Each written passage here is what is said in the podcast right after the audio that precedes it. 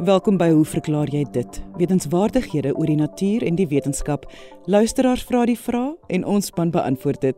My naam is Lise Swart en ons paneelkenners vandag is teoretiese fisikus professor Hendrik Geier en herpetoloog professor Lefras Meton. Onthou as jy 'n vraag het, stuur jou e-pos direk aan my, lise@rsg.co.za. Hoekom is die lug nie violet nie? Dit vra François Botha. Hy skryf verder: Ek het hierdie vraag jare terug vir Chris gestuur, maar sover ek weet, is dit nog nie getakel nie. Ek ken eintlik die antwoord, maar dis 'n baie interessante gesprek wat heel waarskynlik julle fisikus en bioloog gaan benodig. Wel, François, teoretiese fisikus professor Hendrik Geier gaan dit vir ons beantwoord. Dag sê Lize. Goeiemôre luisteraars. Dankie François vir 'n interessante vraag. Ek weet nie of jy daarop uit is om ons vas te vra hierop hoe verklaar jy dit nie maar ek is bevrees hierdie keer gaan jy dit nie reg kry nie want ek het soos jy dink ek weet ek wat die antwoord op jou vraag is. Uh, maar dis inderdaad so dat dit nie net 'n kwessie van fisika is om te verduidelik hoekom die lig nie violet is nie. Ons miskien net eers vir mekaar sê hoekom is dit hoegenaamd 'n vraag? Nou die ikoniese vraag van hoekom is die lig blou in die dag? Het ek korterige antwoord wat ek sal herhaal. Ons het dit al by geleentheid op hierdie program bespreek. Kom ons begin deur te sê ons weet dat wit lig wat van die son afkom, uh is saamgestel uit verskillende kleure. Nou ons is bekend daarmee dat deur 'n reënboog te bestudeer mense hoofsaaklik rooi, oranje, geel, groen, blou, indigo en violet uh raak sien. Maar daar is natuurlik oorgangskleure tussen hierdie bane. Hulle is nie skerp afgebaken nie, maar dit is dit is die uitstaande kleure waarmee ons vertroud is en wat ons aanneem uh die spektrum uh die witlig spektrum uitmaak. Nou hoekom is die lig blou? Wel dit werk so. Ons weet dat molekules in die atmosfeer, hoofsaaklik stikstof en suurstof, uh het die vermoë om lig te verstrooi. Wat beteken dit? Wel, lig self is 'n elektromagnetiese golf. Dit beteken uh, uh so golf kan 'n molekule heen en weer skud en in die proses word die lig eintlik geabsorbeer en weer uitgestel, maar nie noodwendig in die rigting waarin die lig aanvanklik beweeg het nie. So dit is waar die konsep van verstrooiing ter sprake kom. Met ander woorde, so 'n molekule of lig val op so 'n molekule in, uh ruk en pluk hom en in die proses straal hy weer lig uit, maar in verskillende rigtings. En nou is die punt dat die rigtings waarin hierdie lig nou verstrooi word hang af van die golflengte oftewel die frekwensie van die lig. Ons weet dat uh, vir golwe in die algemeen is die produk van die golflengte en die frekwensie die spoed van die golf en vir lig is dit natuurlik 'n konstante die bekende spoed van lig gewoonlik aangedui deur 'n c. Ehm um, ook al dit is so dat wanneer so 'n molekule die lig verstrooi is dit frekwensie afhanklik en meer spesifiek is dit so dat die kortste golflengtes of terwyl die hoë frekwensies word meer verstrooi Uh en die presiese manier waarop hierdie afhanklikheid ter sprake kom is naamlik dat die mate van verstrooiing hang af van die frekwensie tot die 4de mag. Nou dis ek kon nie 'n eenvoudige manier kry om om daardie afhanklikheid uh, in in woorde om te sit nie. Dit is 'n ingewikkelde stukkie elektromagnetisme wat 'n mens moet deurwerk om by die afleiding uit te kom en die persoon wat dit die eerste keer reg gekry het was ene John William Strutt, 'n uh, Engelse fisikus wat later Lord Rayleigh geword het en sy analise staan bekend as Rayleigh verstrooiing en dit sê vir ons soos wat ek nou net uh aangedui het en kan opsom, die mate van verstrooiing hang af van die frekwensie tot die 4de mag. So as jy nou na 'n ligstraal kyk wat van die son af, kom ons sê maar daar bo oor jou kop verbyseil in die dag, dan tref daai ligstraal nou ligmolekules uh, hulle verstrooi die lig en hoe korter die golflengte of hoe hoër die frekwensie, hoe groter is die mate van verstrooiing. Met ander woorde, die rooi lig komponent in die oorhoofse strale van die son word die minste weg verstrooi en die blou komponente word die meeste verstrooi. En as 'n mens nou rofweg vra wat is wat is die orde grootte verskil? Wel rooi lig is tipies omtrent so 700 nanometer, blou lig tipies is in in ronde honderde werk omtrent 400 nanometer. So nou sit jy met 'n faktor 7 op 4 tot die mag 4, dis omtrent 10. So blou lig word feitelik 10 keer meer wegverstrooi van die oorspronklike bewegingsrigting uh, as rooi lig en dit is hoekom jy hoofsaaklik blou registreer. En vir dieselfde prys natuurlik en dit het ons ook al op die program bespreek uh, by sonsopkoms of sonsondergang wanneer jy direk na die son toe kyk dan beweeg die ligstraal wat op pad is na jou toe deur 'n dik stuk atmosfeer die blou lig word wegverstrooi en wat oorbly is die rooi wat jy sien so dis hoekom die sonsondergang en sonsopkoms uh, tipies so rooi oranje skynsel het. Nou goed, nou kom ons by François se vraag. As dit nou so is dat korter golflengtes of hoër frekwensies uh, by voorkeur verstrooi word, uh, ons weet dat blou uh, nie die kortste golflengte in die spektrum is nie. Indigo en violet is nog korter golflengtes. So hoekom sien ons nou nie daai kleure as ons na die lig kyk nie? Nou daar's twee dele soos François hier suggereer om daai vraag te beantwoord. In die eerste plek moet 'n mens weet dat die sonlig, die intensiteit van die verskillende kleure in sonlig is nie dieselfde nie. So daar's 'n spektrum. Dit piek min of meer hierso by die geel-groen deel van die spektrum. Met ander woorde, ons kan sê in terme van intensiteit gemeet, is groen en geel die sterkste verteenwoordig in die sonlig. Dit val redelik vinnig af na die blou, violet en indigo gedeelte en 'n bietjie stadiger af na die rooi kant toe. So in die eerste plek kan 'n mens sê daar is om mee te begin baie minder violet in die lig wat wegverstrooi word al is die faktor golflengte uh, of frekwensie tot die mag 4 natuurlik nou vir, vir uh, violet hoër as vir blou is daar eenvoudig minder violet lig om weg te strooi. So dis een deel van die antwoord. Maar die ander deel waar Frans van nou hiersin speel waar die biologie deel inkom, het te maak met hoe ons nou lig registreer en uiteindelik vertolk of sien. Nou die die situasie dink ek is ook al op die program bespreek deur onder andere seker van ons kollegas in die in die biologiese wêreld. Ehm um, ons oë het wat genoem word keeltjies of fotoreseptore. Um, en daar's drie tipes van hulle wat kom ons sê maar die veral ingestem is om of die kort gedeelte van die golflengtes of die middelgedeelte of die langer golflengtes te registreer. Mense kan rofweg sê hulle registreer hoofsaaklik of blou of groen of rooi. Dis natuurlik nie so dat 'n spesifieke keeltjie of 'n keeltjie soort net een tipe golflengte registreer nie. Hy is ook sensitief vir ander golflengtes. Om nou nou weer terug daarby maar die manier waar of die die kombinasie van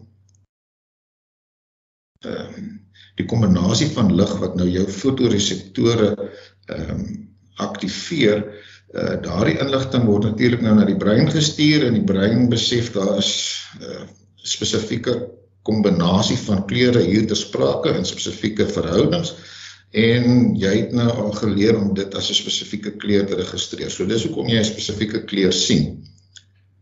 Nou, het is interessant dat uh, die blauw, groen en rooi fotoreseptore wat ons het, is nie inerseel in alle oor nie. Um, honde bijvoorbeeld het skynbaar net uh, groen en, en rooi as ek het nie mis het nie. Hulle kan net twee kleure uh, definitief onderskui.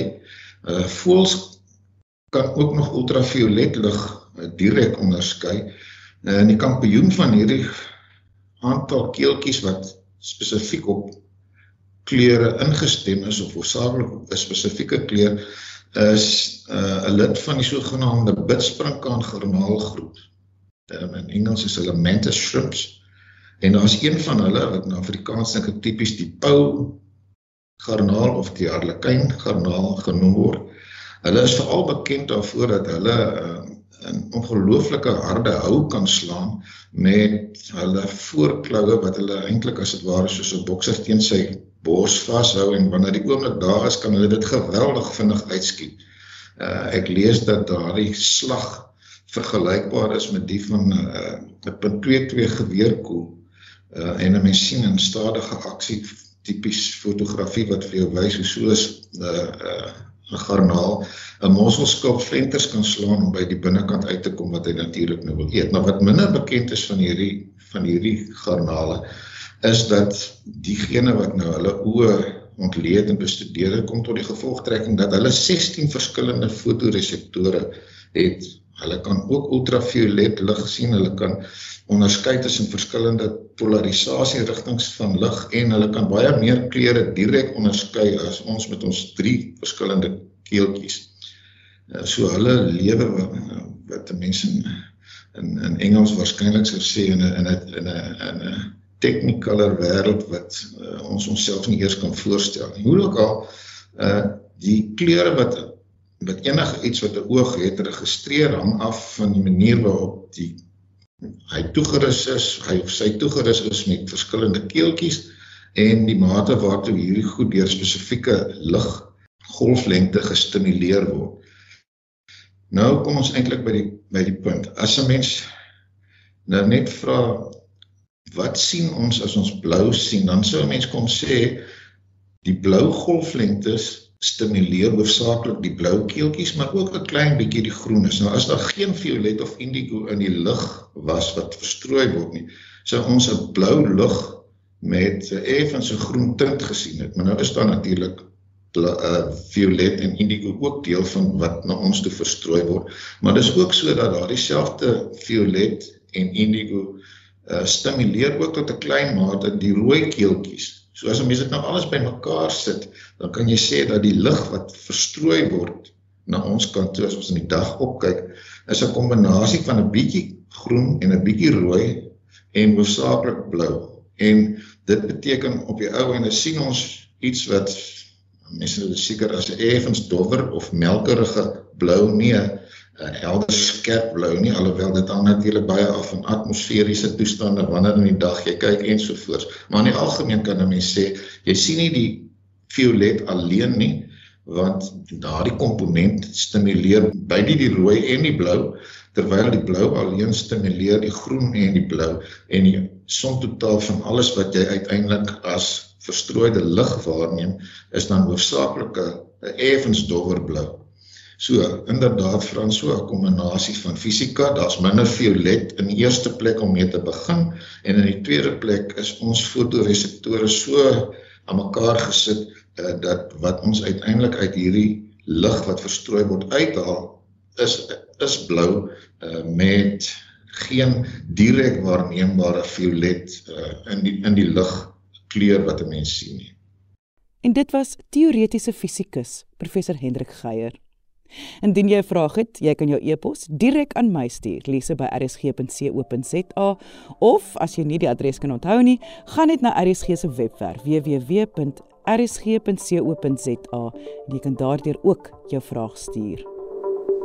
Salome Brouwer skryf: Ek het 'n berig in die koerant gesien oor nog twee warmbloedige haie wat ontdek is.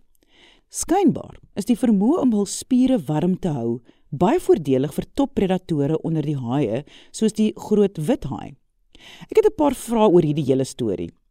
Is die 5 haie wat genoem is die enigste warmbloedige visse in die see? Is al die ander visse dan koudbloedig en hoe kry hulle dit reg om in koue water te oorleef?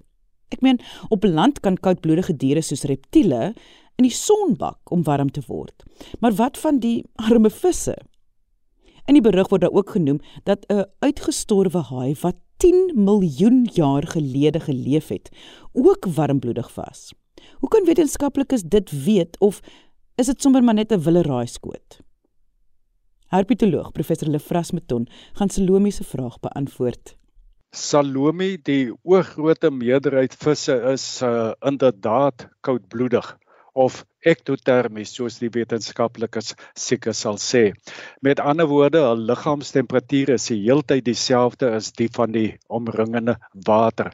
Ongeveer 35 groot predatoriese visspesies, onder andere vyf haie, al die tuna spesies, die swartvis, marline en die seilvis besit egter die vermoë om die temperatuur van sekere dele van hulle liggaam soos byvoorbeeld die oë, brein, spiere en ingewandes 'n hele paar grade bo die watertemperatuur te hou met behulp van hitte wat deur metabolisme gegenereer word. Ons kan hulle dus as gedeeltelik warmbloedig of as jy nou wetenskaplik korrek wil wees, gedeeltelik endotermies beskou. Die opa, ook bekend as maanvis of sonvis, is die enigste vis wat feitelik volledig endotermies is. Met ander woorde, uh feitelik die hele liggaam word warm gehou. Kom ons begin by die vyf gedeeltelik warmbloedige haie. Dit sluit die groot wit haai in. Almal is groot predatoriese haie. Nou by hierdie haie word die temperatuur van die dieper liggende rooi spiere hoër as die van die res van die liggaam en die omringende water gehou. Ons weet chemiese reaksies vind vinniger plaas onder warm toestande en tydens beweging is die metabooliese generering van energie dis meer optimaal in warm spiere as in koue spiere en kan hierdie haie vinniger swem as hul koudbloedige verwantes slegs spiere wat uh, nader aan die middel van die liggaam geleë is, sal warm gehou kan word. Spiere direk onder die vel sal vinnig enige hitte wat deur metabolisme gegenereer word, deur geleiding aan die koue omringende wateromgewing afstaan. Maar selfs spiere wat dieper in die liggaam geleë is, sal by die meeste visse nie hitte kan stoor nie omdat hulle die hitte via die bloed wat die spiere verlaat verloor. Maar dit is nie al nie. Suurstof is natuurlik nodig vir die chemiese reaksies tydens beweging en hierdie suurstof word by die kiewe uit die water opgeneem. Dit wil sê die bloed kom in noue kontak met koue water. Die suurstofryke bloed wat die kiewe verlaat is dus nou koud en dit is hierdie koue bloed wat die spiere binne gaan en dit dan nou tesame met die warm bloed wat die spiere verlaat veroorsaak dat die spier nie warm gehou kan word nie. Al die warmbloedige visse het egter 'n meganisme om hierdie hitteverlies via die bloed te voorkom. Uh ons praat van die sogenaamde teenstroom meganisme in 'n netwerk van bloedvaatjies bekend as die rete mirabile vind hitteuitreining tussen die inkomende koue bloed en die uitgaande warm bloed plaas deurdat die inkomende en uitkomende vaatjies in baie noue kontak met mekaar is. Kom ek verduidelik hierdie teenstroom meganisme aan die hand van jou huis se geyser. As jy die warmwaterkraan in die kombuis oopdraai, dan begin water of warm water uit die giese na die kombuiskraan te loop. Terselfdertyd begin koue water via 'n ander pyp in die geyser in te loop om die water wat uitgetap word te vervang. Nou kom ons veronderstel dat hierdie koue waterpyp al die pad van die kombuis af reg langs en styf teenoor die, teenoor die warmwaterpyp loop wat water van die geyser na die kombuis neem. Hitteoordrag sal oor die hele afstand wat die pype langs mekaar loop vanaf die warm pyp na die koue pyp plaasvind. As die afstand lank genoeg is, sal die temperatuur van die water in die warmwaterpyp wanneer dit die kombuis bereik amper net so koud wees as die koue water in die koue waterpyp. Net so sal die temperatuur van die water in die koue waterpyp wanneer dit nou by die giese aankom amper net so warm wees as die water wat die giese verlaat. So die meeste van die hitte wat die giese via die warmwaterpyp verlaat, word op pad na die kombuis na die water in die koue waterpyp wat in die teenoorgestelde rigting vloei, oorgedra en teruggevoer na die geyser en hitteverlies uit die geyser is dan nou laag. Ongelukkig beteken dit dan nou dat water uit jou warmwaterkraan met so 'n tipe opstelling die heeltyd maar aan die koue kant sal wees. Ons kan die geyser met 'n rooi spier van die haai vergelyk met uh, warm bloed wat die spier via bloedvate verlaat. Die koue suurstofryke bloed wat van die kiewe afkom kan gelyk vergelyk word met die koue waterpyp wat na die giese toe gaan. In die bloedvatnetwerk die rete mirabile vloei die warm en koue bloed nou in teenoorgestelde rigting styf te mekaar en word hitte uit die warm uitgaande bloed na die koue inkomende bloed oorgedra en so word gesorg dat baie van die rooi spier se hitte in die spier behou word. Nou hierdie teenstroom hitte uitreiling in die in 'n rete mirabile is 'n eenvoudige maar hoogs effektiewe meganisme om hitteverlies te beperk en word gebruik by al die warmbloedige visse. Daar waar dit saak maak het sy die oë brein spiere of ingewandes. Die opa of die maanvis is die enigste van die warmbloedige visse wat 'n rete mirabile direk by die kiewe het so die hele liggaam kan dan warm gehou word.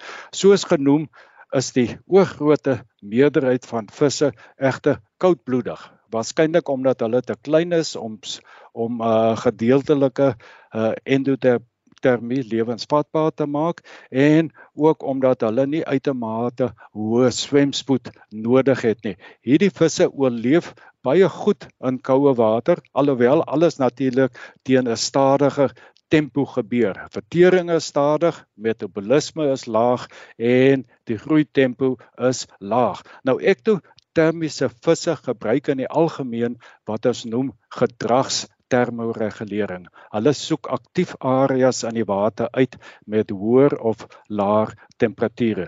Kom ek gee 'n enkele voorbeeld. Die jongetjies van die vaswatervisie Cottus extensus wat in sekere Amerikaanse mere voorkom, voed gedurende die dag op die bodem van die mere waar die watertemperatuur normaalweg rondom 5 grade is. In die aand beweeg die visse na die oppervlak waar hulle bly om die kos te verteer. Daar's niks daarvoor om te eet nie, maar die temperatuur naby die oppervlak is gewoonlik rondom 14 grade en hulle kan baie meer kos verteer en vinniger groei as wat hulle sou kon doen indien hulle die heeltyd op die bodem gebly het waar die kos is.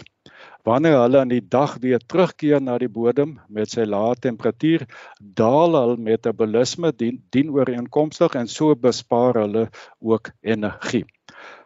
Kom ons sluit af deur iets te sê oor Megalodon. Dit is 'n massiewe haai spesies wat in verskeie dele van die wêreld voorgekom het, so tussen 15 en 3.5 miljoen jaar gelede.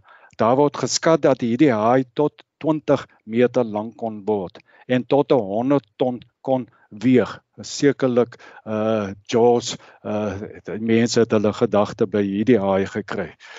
Omdat al vyf gedeeltelike warmbloedige haie wat vandag lewe, almal groot predatore is wat vinnig moet kan swem om endotermiese prooi, dit is nou marine soogdiere en voëls soos pikkewyne om hulle te kan vang, is daar al lankal vermoed dat megalodon waarskynlik ook gedeeltelik warmbloedig was.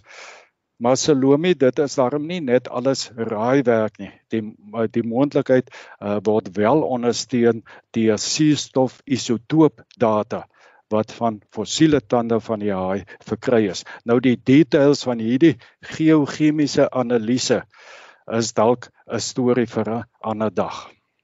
En dit was herpetoloog professor Lefras Meton. Onthou as jy 'n vraag het, stuur jou e-pos direk aan my, lise@rsg.co.za. Jy mag onder 'n skuilnaam skryf of vra om anoniem te bly. En ek sê baie dankie aan ons kenners en vraagstellers vandag. Onthou om altyd nuuskierig te bly en vra te vra. Tot volgende week hier op RSG saam met my, Lise Swart. Totsiens.